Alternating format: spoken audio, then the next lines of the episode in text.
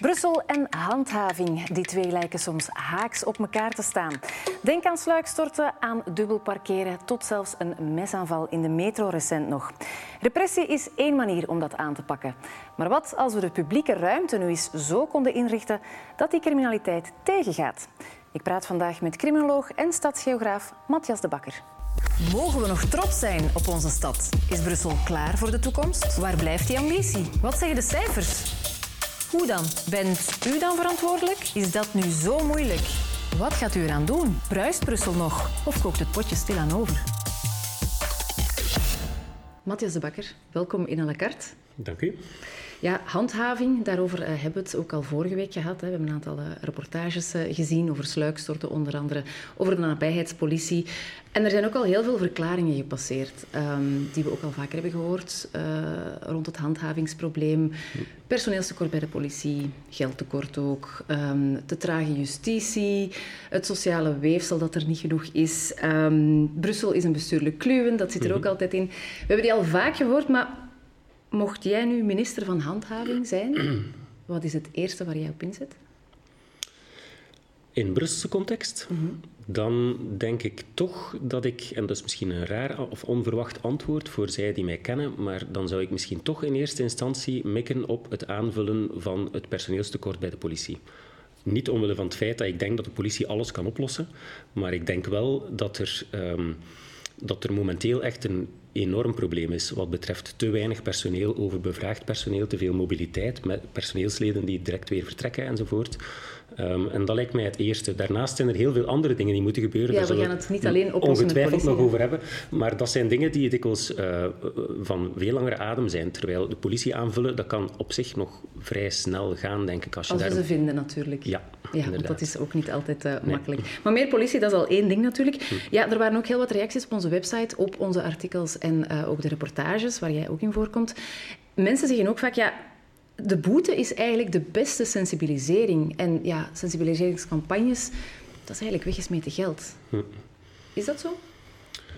Um, ja en nee. Ik denk, ik denk dat, uh, dat boetes zeker werken. Um, dat de hoogte van een boete daarom niet noodzakelijk veel verschil maakt. Uh, als het gaat over gasboetes bijvoorbeeld, daar wordt doorheen de jaren is er een verhoging van die gasboetes aangekondigd bijvoorbeeld, maar dan zie je niet noodzakelijk dat dat enig verschil maakt op het terrein.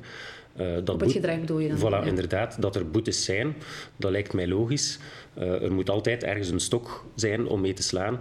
Maar het, uh, als het gaat over fenomenen zoals sluikstort bijvoorbeeld... Mm -hmm. um, dat gaat over het, het aanpassen bepaalde, van bepaalde gewoontes en van bepaalde gedragingen en van normen en waarden.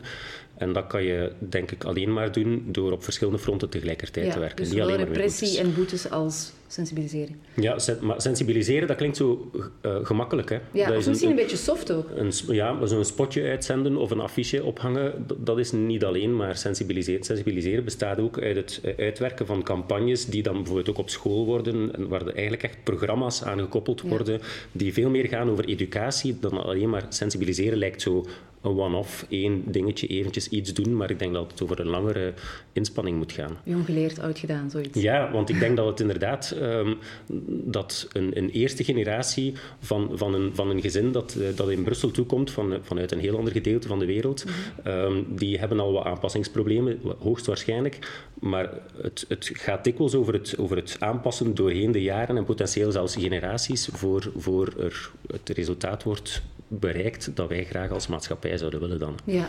ja, want sensibiliseren, dat is natuurlijk... Er werd ook gezegd van ja, misschien is dat goed bij nieuwe regels, als mensen het gewoon nog niet weten dat het bestaat. Ik denk bijvoorbeeld aan de zone 30. Um, ehm, maar ja, boetes werkt toch beter bij bestaande regels die niet worden nageleefd. Want eerlijk gezegd, soms denk ik ook, ja, iemand die ergens een koelkast gaat dumpen, weet toch dat dat niet mag. Ja, maar ik wil nog even een stapje terugnemen. Uh, sensibiliseren gaat niet alleen maar over het sensibiliseren van zij die potentieel uh, aan, aan zo'n een, een, een feit, uh, zo'n feit gaan plegen. om nu maar te verwijzen naar het fenomeen van grensoverschrijdend gedrag in de publieke ruimte. Ja. Ook zo'n vorm van overlast, maar een heel ander soort fenomeen. Daar bestaan ondertussen, en in de Anglo-Saxische wereld wordt daar al veel langer rond gewerkt, worden er sensibiliseringscampagnes opgezet om bijvoorbeeld omstaanders te helpen omgaan met zo'n situaties. Ja, dat je weet wat je moet doen. Voilà, worden er campagnes opgezet zodanig dat vrouwen weten wat de dichtstbijzijnde veilige clubs zijn en cafés waar ze naartoe kunnen, waar het personeel getraind is om in zo'n contexten te functioneren. Ja, dat, begint hier ook een beetje door te dringen ja, in en Brussel. Dat is, inderdaad, en dat is ook sensibilisering. Dat gaat niet alleen maar over de potentiële uh, criminelen, zal ik maar zeggen. Gaat het dan meer over, over, een algemeen maatschappelijk bewustzijn? Ja, ja, Van het kan ook jou overkomen, of jouw zus of dochter. Of...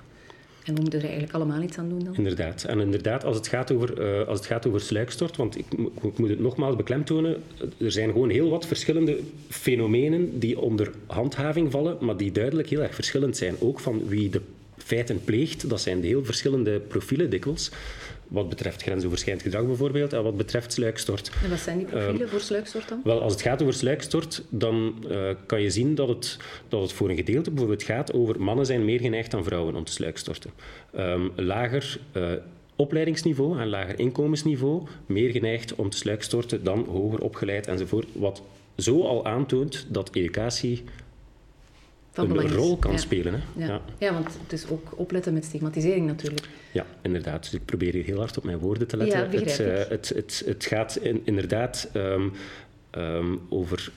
Afhankelijk van welke feiten waarover we aan het spreken zijn, gaat het over verschillende dynamieken die spelen. Dus we moeten eigenlijk uh, zoveel mogelijk um, concreet zijn en afbakenen. Ja. En dan nog voorzichtig blijven met stigmatiseren. Ja, want natuurlijk. als het over opleidingsniveau gaat, witte boordencriminaliteit is ook iets maar daar moeten we misschien nog een andere uh, uh, uitzending aan wijden. Ja. Maar ik wil het ook over die publieke ruimte hebben natuurlijk. Hm. Hè. Uh, jij zegt van ja, als je die anders gaat inrichten, je bent ook stadsgeograaf, hm. dan helpt dat zelfs bij handhaving of zelfs criminaliteit tegengaan. Hm. Wat zijn de do's en wat zijn de don'ts? Um, in alle geval, de, de fysieke omgeving speelt een rol. Uh, maar niet altijd alleen maar ter preventie. Het kan in allebei de richtingen werken. Uh, om maar een voorbeeld te geven, iedereen gaat ervan uit dat um, uh, meer camera's, meer beveiligingscamera's hangen altijd een goed idee is. Sommige studies tonen dan aan van ja, dat is eigenlijk geen goed idee, want verplaatst gewoon de criminele feiten. Die vinden dan gewoon plaats waar geen camera hangt. Maar interessant genoeg, wij hebben, als het dan teruggaat over grensoverschrijdend gedrag in de publieke ruimte, gezien dat plekken waar camera's hangen ook plekken zijn waar net heel veel van dat soort feiten plaatsvinden. Dus camera's zijn zelfs op dat vlak helemaal geen garantie dat het werkt. Het werkt soms averechts zelfs, hoor ja, ik. inderdaad, het werkt zelfs averechts. Uh, anderzijds, als we en het waarom hebben... dan? Is dat dan omdat mensen denken van dat is een, een grotere uitdaging of zo? Ik denk dat daar, ik denk dat daar um, het is om te beginnen op camera al heel moeilijk in te schatten wat grensoverschrijdend gedrag is. Dus Mhm. ik denk dat er voor de plegers eigenlijk een soort gevoel heerst van zelfs als er camera's hangen, ben ik wel veilig. Kom ik daar wel mee weg? Ja. En plus, die camera's hangen waarschijnlijk grotendeels op plekken die vrij populair zijn, waar veel um, passage is.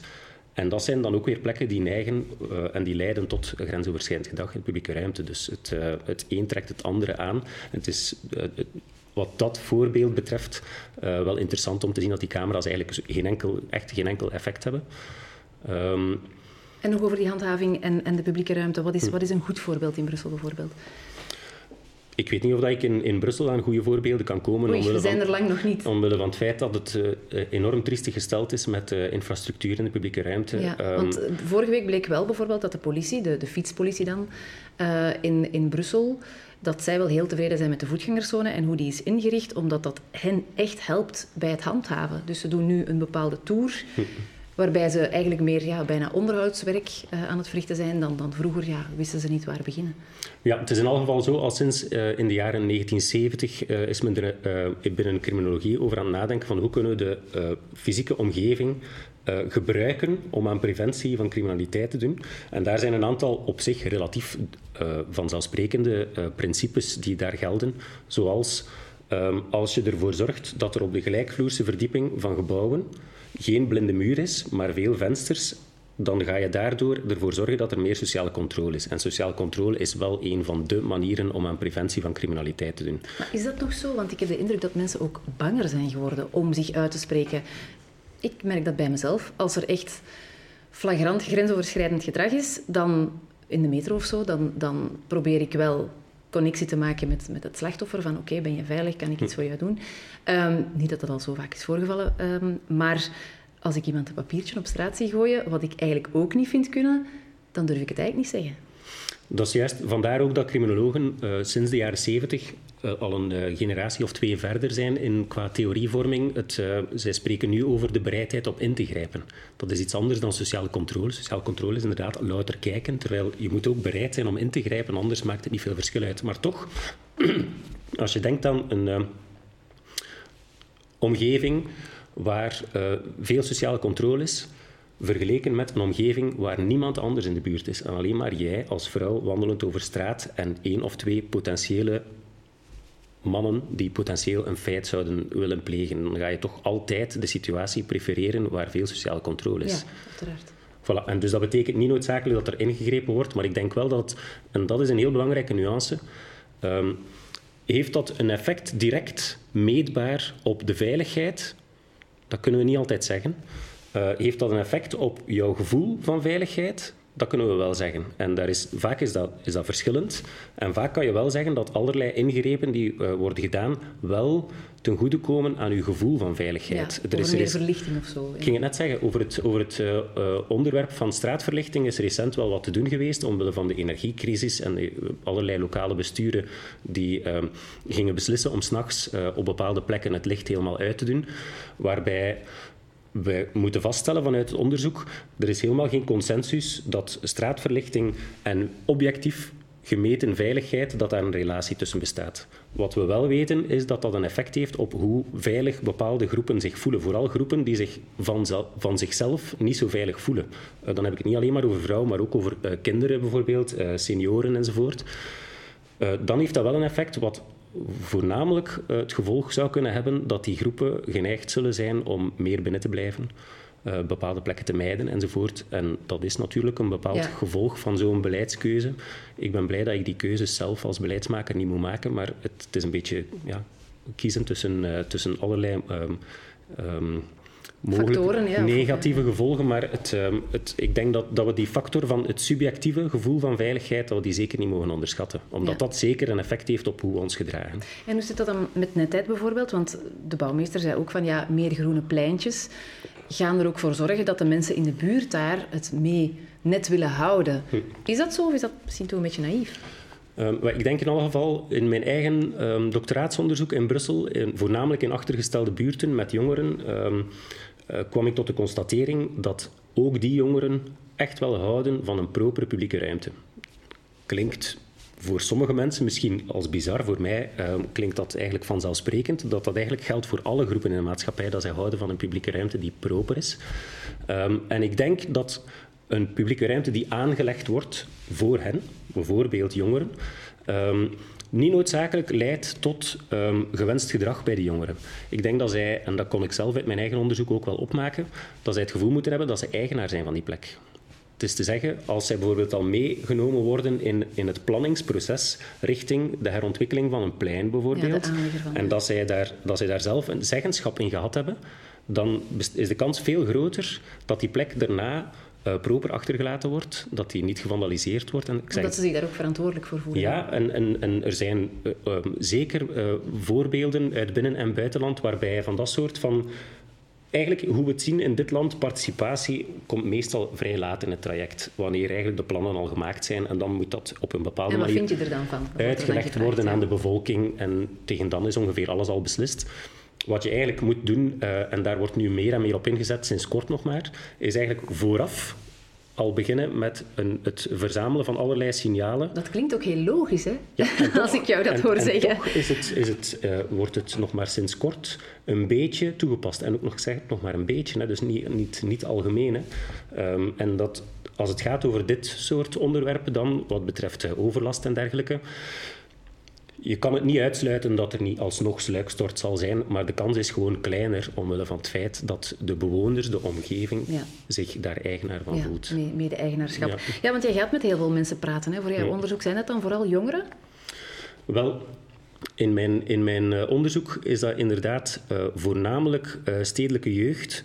Maar daarnaast, als het gaat over die projecten die meer te maken hebben met herontwikkelen, masterplannen maken voor bepaalde wijken enzovoort, dan mik ik er wel op om gewoon voor een zo divers mogelijke um, steekproef te gaan. Ja, dus dat is van iedereen. Ja, en, en je ziet dan dat het, het levert best wel interessante resultaten op. Zo is bijvoorbeeld de wens voor kinderen en jongeren om uh, veilige, conflictvrije plekken te hebben waar ze kunnen spelen en, en vrije tijd beleven, komt die één op één overeen met senioren.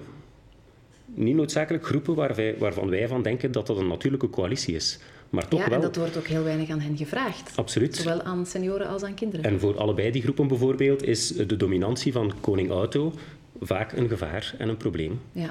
Dus zo is het wel interessant om te kijken naar de diversiteit binnen de maatschappij. En ik ben dan als onderzoeker wel geneigd om op zoek te gaan naar, nog wat meer op zoek te gaan naar de stemmen die het minst gehoord worden. Hè. Ja. Ja, want er wordt heel veel ook over Brusselse jongeren gezegd, over dan, maar er wordt eigenlijk weinig met hen gepraat. Want die trieste relatie tussen Brusselse politie bijvoorbeeld, of hulpdiensten en jongeren. Hm. De brandweer wordt zelfs tijdens interventies aangevallen hm. door Brusselse jeugd. Wat speelt er in die jongeren hun hoofd dan?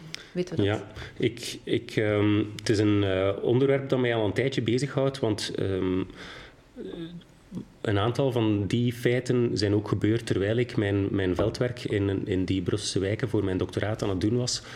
Um, ik denk dat daar eigenaarschap opnieuw een rol speelt, maar dan een beetje anders dan hoe dat we het er net over hadden. In, in dat geval gaat het volgens mij over jongeren en in iets bredere zin over een, lokale gemeenschap die zich um, niet vertegenwoordigd ziet door onze overheid en door de diensten die voor die overheid werken, zoals, zoals politie en brandweer. Jammer genoeg zijn dat allemaal uh, professionelen die het uiteraard niet uh, verdiend hebben om, om, uh, om, om met bijvoorbeeld stenen bekogeld te worden.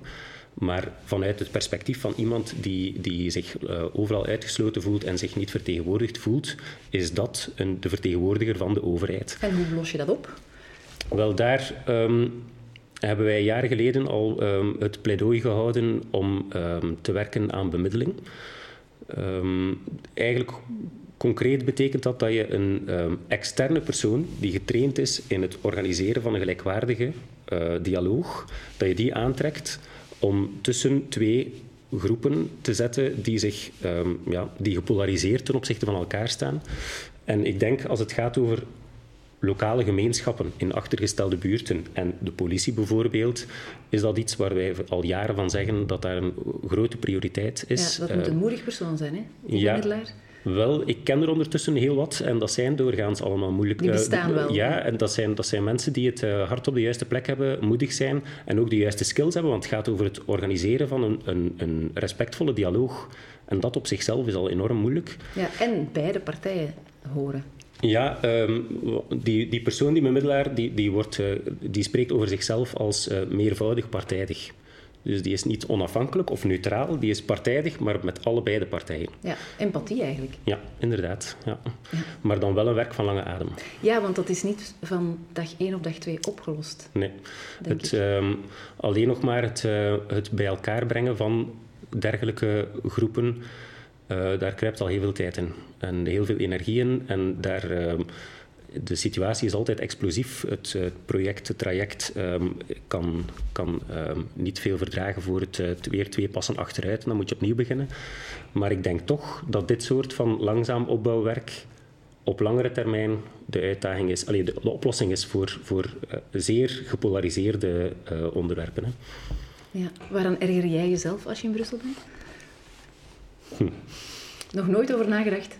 Um, ik herinner mij um, dat ik um, tijdens mijn doctoraat, ondertussen ook al wel x aantal jaar geleden, er op den duur, aangezien ik toch heel veel wandelde en observeerde, uh, er een gewoonte van maakte om foto's te nemen van allerlei tijdelijke barrières die werden opgezet door lokale stedelijke diensten.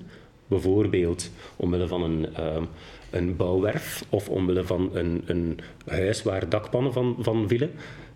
Tijdelijke barrières die daar jaren nadien nog altijd stonden. Ja. En eigenlijk gaat dat over een soort diefstal van publieke ruimte.